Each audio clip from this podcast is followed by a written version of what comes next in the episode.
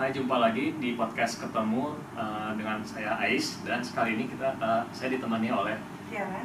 Uh, di- untuk episode kali ini kita akan uh, berbicara mengenai uh, seri perempuan, uh, suara perempuan yaitu mengenai tokoh-tokoh perempuan yang uh, berjasa, uh, berjasa dan berkiprah uh, dalam pemberdayaan perempuan.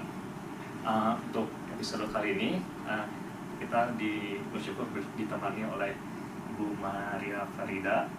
Uh, beliau adalah uh, mantan uh, hakim konstitusi periode 2008 hingga 2018 uh, dan juga uh, guru besar uh, ilmu perundang-undangan Fakultas Hukum UI. Beliau uh, adalah salah satu uh, orang pertama yang perkenalkan ilmu perundang-undangan uh, dalam uh, di Indonesia. Uh, apa kabar Ibu Farida? Baik. Sehat? Sehat, ya. Alhamdulillah. Ya, tapi saya bukan penemu undang-undang perundang-undangan. Tapi yang memperkenal salah Yang satu memperkenalkan adalah Prof. Hamid. Oh. Ya. Oh, jadi uh, Prof. Saya Prof. Hamid Tatamimi memulai dulu, baru kemudian saya menjadi asisten. Oh, Ya. uh, terima kasih atas koreksinya. Uh, untuk uh, memulai wawancara ini, uh, saya ingin uh, bertanya bagaimana apa uh, asal mulanya Ibu Farida tertarik terhadap uh, dan peraturan perundang-undangan dan di dan uh, pelajari uh, di Fakultas Hukum. Eh, sebetulnya terus terang saya tidak pernah tertarik untuk bidang hukum. Oh, gitu. Iya, iya. Tapi kemudian eh, saya memang eh, terpaksa harus eh, mengambil mata kuliah hukum ini karena dulu saya pernah berpisah dengan orang tua saya cukup lama tujuh tahun karena beliau eh, tugas di luar negeri dan saya tinggal dengan tante saya. Saya pengennya masuk sekolah musik sebelumnya. Oh, suka musik. Iya, saya pengen sekolah musik, tapi kemudian ayah saya mengatakan, ya tahun 69 itu kan orang belum tahu uh, musisi itu seperti apa. Apakah orang bisa hidup dengan hanya bermusik saja? Gitu. Ayah saya mengatakan, coba tolong uh, masuk ke fakultas saja.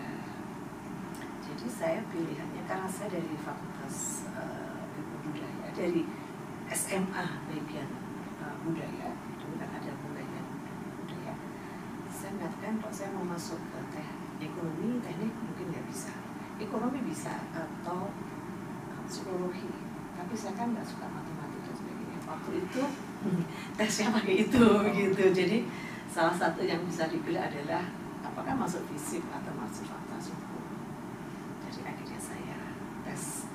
Ya saya mengatakan kalau saya tes masuk ke fakultas hukum bisa diterima ya saya masuk fakultas hukum tapi kalau enggak ya kayak saya kembali ke musik aja lagi. Terus eh, Prof kan sekarang eh, pernah menjadi hakim konstitusi. Ya, Pernah membayangkan sebelumnya nggak? Tidak pernah tidak pernah membayangkan saya jadi hakim. Bahkan pada waktu saya sudah semester akhir waktu itu di UI itu ada praktek hukum. Praktek hukum itu kita praktek di pengadilan-pengadilan. Dan pada waktu saya ikut pengadilan di pengadilan Jakarta Utara hakimnya Prof. Isman Siregar. Jadi di sana dikatakan ada seorang yang kemudian didakwa untuk uh, berbuat kejahatan terhadap orang lain gitu. Sesudah itu ses- setelah selesai itu dia mengatakan kamu kira-kira menurut kamu itu tadi salah atau tidak? Jadi saya bilang kayaknya nggak salah. Jadi kelihatannya orangnya tuh kayaknya memberikan alasan bahwa betul nggak salah. Jadi Prof itu mengatakan wah kamu nggak cocok jadi hakim karena nggak bisa ngerti bahwa orang itu berbohong atau tidak katanya gitu. Jadi memang saya tidak pernah uh, pengen uh, jadi hakim. selama menjadi hakim konstitusi uh, Ibu Farida uh, termasuk yang dikenal sebagai sosok yang uh, ber- beberapa kali melakukan dissenting opinion Mhm. terhadap beberapa uh, perkara yang di, uh, di Mahkamah Konstitusi salah satunya yang cukup yang pada saat itu uh, kontroversi undang-undang pornografi Hmm, contohnya ya, ya, ya. kenapa uh, ibu uh, pada saat itu melakukan tikuk ini? Ya, karena apakah kita bisa membatasi orang-orang untuk melakukan sesuatu yang memang itu memang uh, merana privat gitu. Jadi pornografi pada waktu itu juga dirumuskan itu adalah pornografi dan porno aksi bahwa bagaimana orang berpakaian dan sebagainya. Saya mengatakan di Indonesia itu sangat berbineka. Gitu. Kalau kita melihat pada segi budaya, kemudian ada kesehatan seseorang, maka dari Aceh sampai Papua itu semua berbeda. Jadi bagaimana kita kemudian harus membatasi seseorang harus berpakaian seperti apa, yang layak seperti apa, itu yang sopan seperti apa, itu beda jadi saya mengatakan nggak bisa seperti itu. Karena uh, ya memang keberadaan kita seperti itu. Jadi kalau kita berpakaian seperti uh, orang Aceh mereka kan pakai yang perempuan pakai celana pakai itu di atasnya uh, pakai sambung di atas. Tapi kalau kita makan semakin ke barat gitu pakaian kita akan semakin berubah kan kalau di Betawi ya di Betawi itu orang pakai kebaya tapi melihat uh, ada pakai sini sampai ke Jawa Tengah orang kalau jadi pengantin tuh pakai basahan nggak pakai ini. Sampai ke Bali mau panjang dada gitu kan apakah itu nggak sopan gitu loh. Apakah itu sesuatu yang porno gitu. Jadi itu sebenarnya mula-mula seperti itu. Tapi kemudian mengatur hal-hal yang kadang-kadang kita tidak bisa melihat bahwa itu baik atau tidak karena saya mengatakan kita nggak bisa mengatur dalam suatu undang-undang di mana itu ranahnya ranah privat. Jadi ada hal yang seperti itu, tapi ya akhirnya itu harus terjadi. Ya kita banyak banyak uh, protes juga sebetulnya kan ada beberapa kali.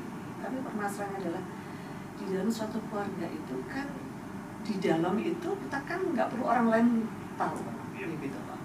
Apalagi kalau dalam arti dalam hal berpakaian, dan sebagainya yang memang suatu budaya itu terpengaruh tidak hanya dari dalam sendiri, dari luar pun bisa terpengaruh. Bahwa kita kemudian menganggap itu sopan atau tidak, ya tergantung mereka yang melihatnya gitu ya. Saya rasa seperti itu. Sehingga saya memang ya kok seperti ini kok harus diatur gitu ya, betul. Apakah karena emang sebenarnya udah ada peraturan yang udah ada di sebetulnya kan norma susunan itu ada dalam alfabi kita oh. sebelum. Tapi permasalahannya siapa yang membaca pasal itu dan mau dikenakan pada siapa itu kan tergantung kan. Selain pasal yang tadi kan ibu juga sempat bisa ngomongin soal pengumuman uh, perkawinan ya bu. Iya. iya. Terus uh, ibu menjadi salah satu yang membatasi usia perkawinan yang. Hmm. Kalau boleh tahu bagaimana ibu melihat uh, produk hukum dan badan hukum di Indonesia?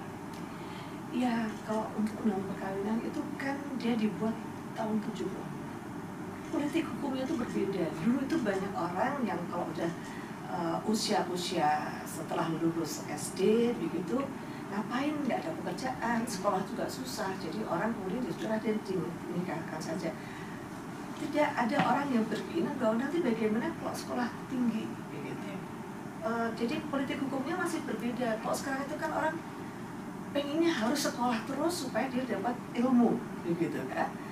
Jadi seorang perempuan itu tidak hanya di rumah masak, ngurusin anak, begitu enggak. Tapi bagaimana dia juga mensupport uh, keluarga dan mensupport negara ini. Karena kan negara ini kan tidak bisa dikelola hanya laki-laki saja.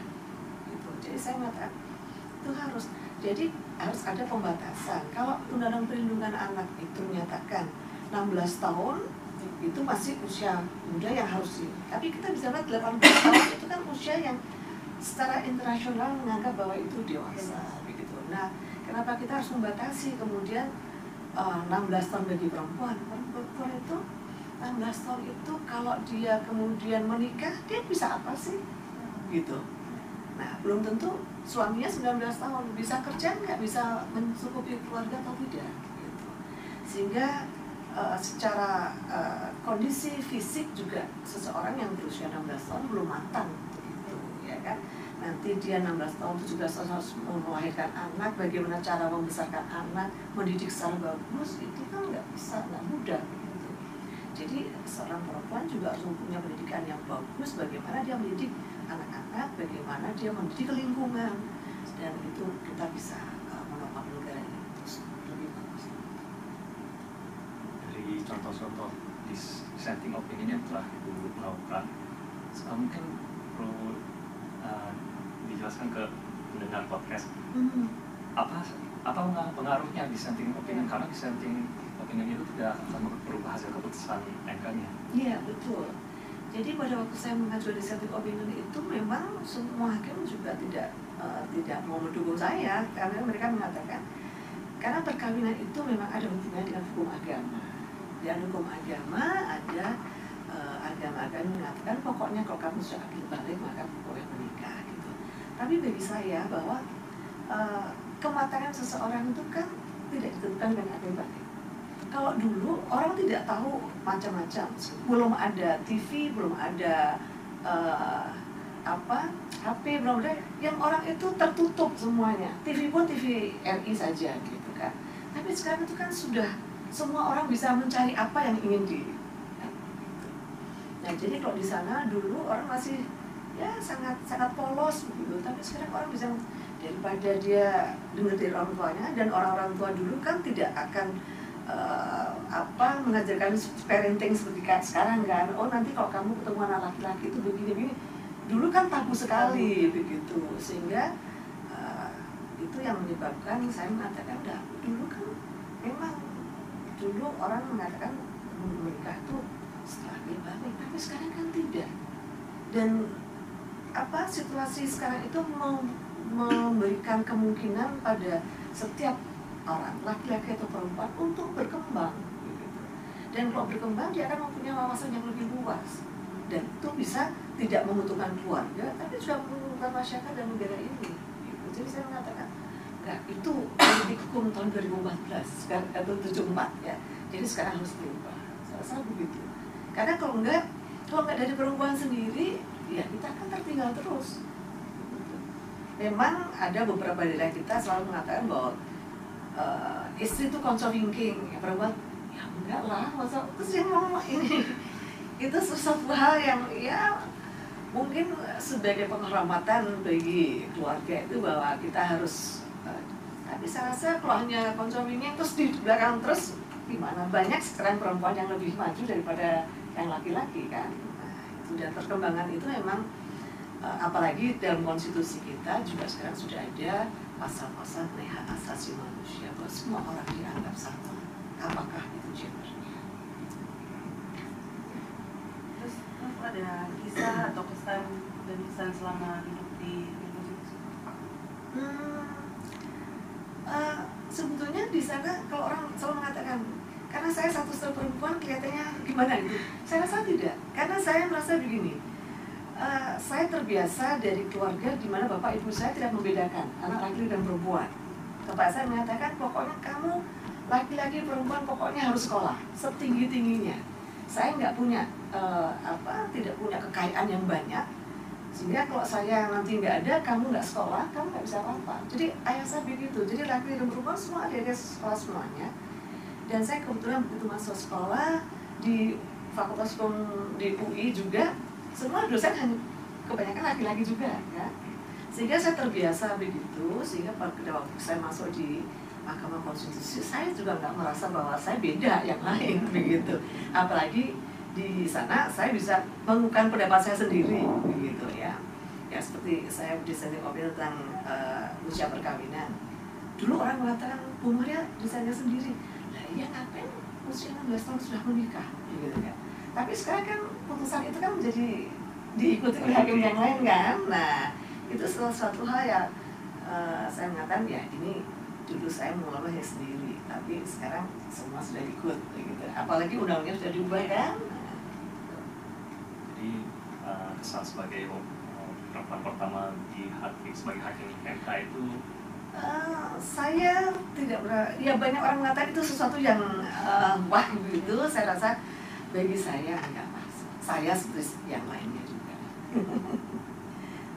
Um, bagaimana ibu melihat pentingnya keterlibatan perempuan dalam uh, penyusunan produk-produk saya rasa itu penting.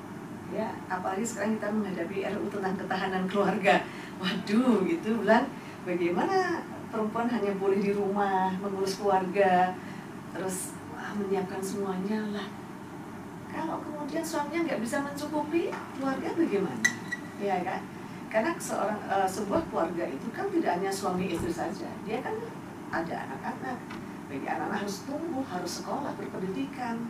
Kalau dua-duanya tidak bisa mencukupi apa yang dibutuhkan oleh keluarga itu gitu. Ya jadi saya mengatakan jangan dibatas-batasi sangat dibatasi lah. Terus uh, dari ada melihat nggak ada produk-produk hukum yang masih belum ramah terhadap perempuan dan anak? Oh, banyak kan ada perda-perda yang mengatakan kalau sudah jam 6 sore perempuan jangan ber, uh, pergi sendirian begitu. Kayak itu kan banyak ya.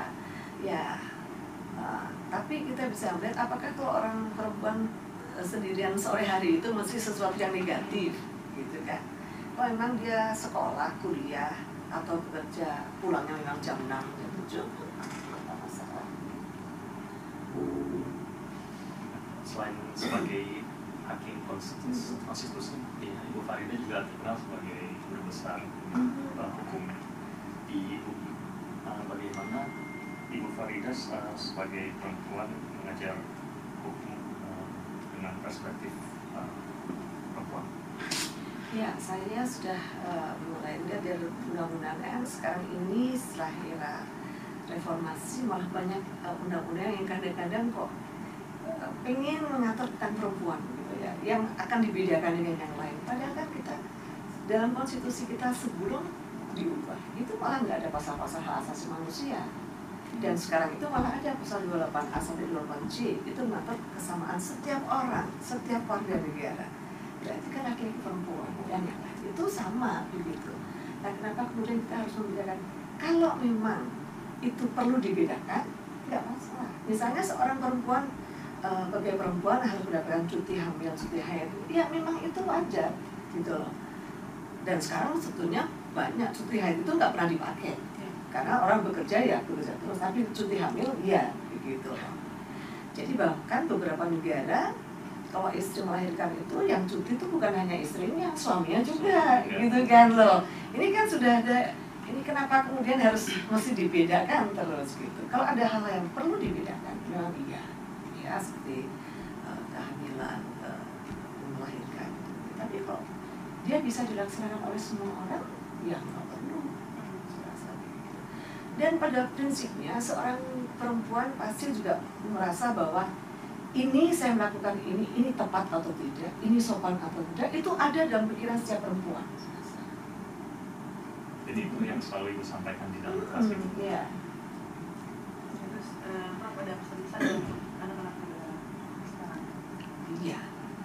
Untuk anak muda sekarang, memang kita itu sekarang selalu era global, ya. Jadi pengaruh budaya-budaya asing itu bisa masuk di sini. Tapi tolong coba kita melihat budaya kita sendiri. Karena budaya yang baik boleh kita terima, tapi kalau budaya itu tidak sesuai dengan kebudayaan kita, lebih baik kita singkirkan. Jangan sampai kita kemudian eh, pokoknya di sana begini, ya kita lakukan begitu, ya jangan. Ya misalnya sekarang itu dia sudah menjadi suatu kalau mahasiswa itu kalau dulu kita melihat eh, orang orang yang lebih tua kan kita kan sangat menghormati. Tapi kadang-kadang itu kan sekarang sudah tidak karena dianggap sebagai teman biasa begitu. Se- eh, keakraban itu bisa kita terima iya kita akrab. Tapi kalau hal-hal yang mestinya dia harus eh, ada misalnya panggil dosennya langsung namanya saja ya saya masih belum rela begitu ya. Masa begitu? Kecuali kita sudah akrab sekali. Masa muridnya panggil gurunya kok namanya saja gitu ya. Nggak usah panggil prof gitu tapi saya minta ibu bapak. Jadi saya melihat bahwa pakailah juga budaya Indonesia. Itu kalau yang budaya Indonesia masih baik dan masih perlu diterapkan tolong terapkan jangan kita hanya terpengaruh oleh budaya-budaya yang kelihatannya memang familiar kemudian lebih akrab tapi kemudian itu bukan budaya kita saya rasa itu pengaruh budaya itu masih ada memang iya Terima kasih banyak Ibu atas waktunya. Hmm. terima kasih kembali Ya, sampai jumpa uh, kita di episode episode berikutnya.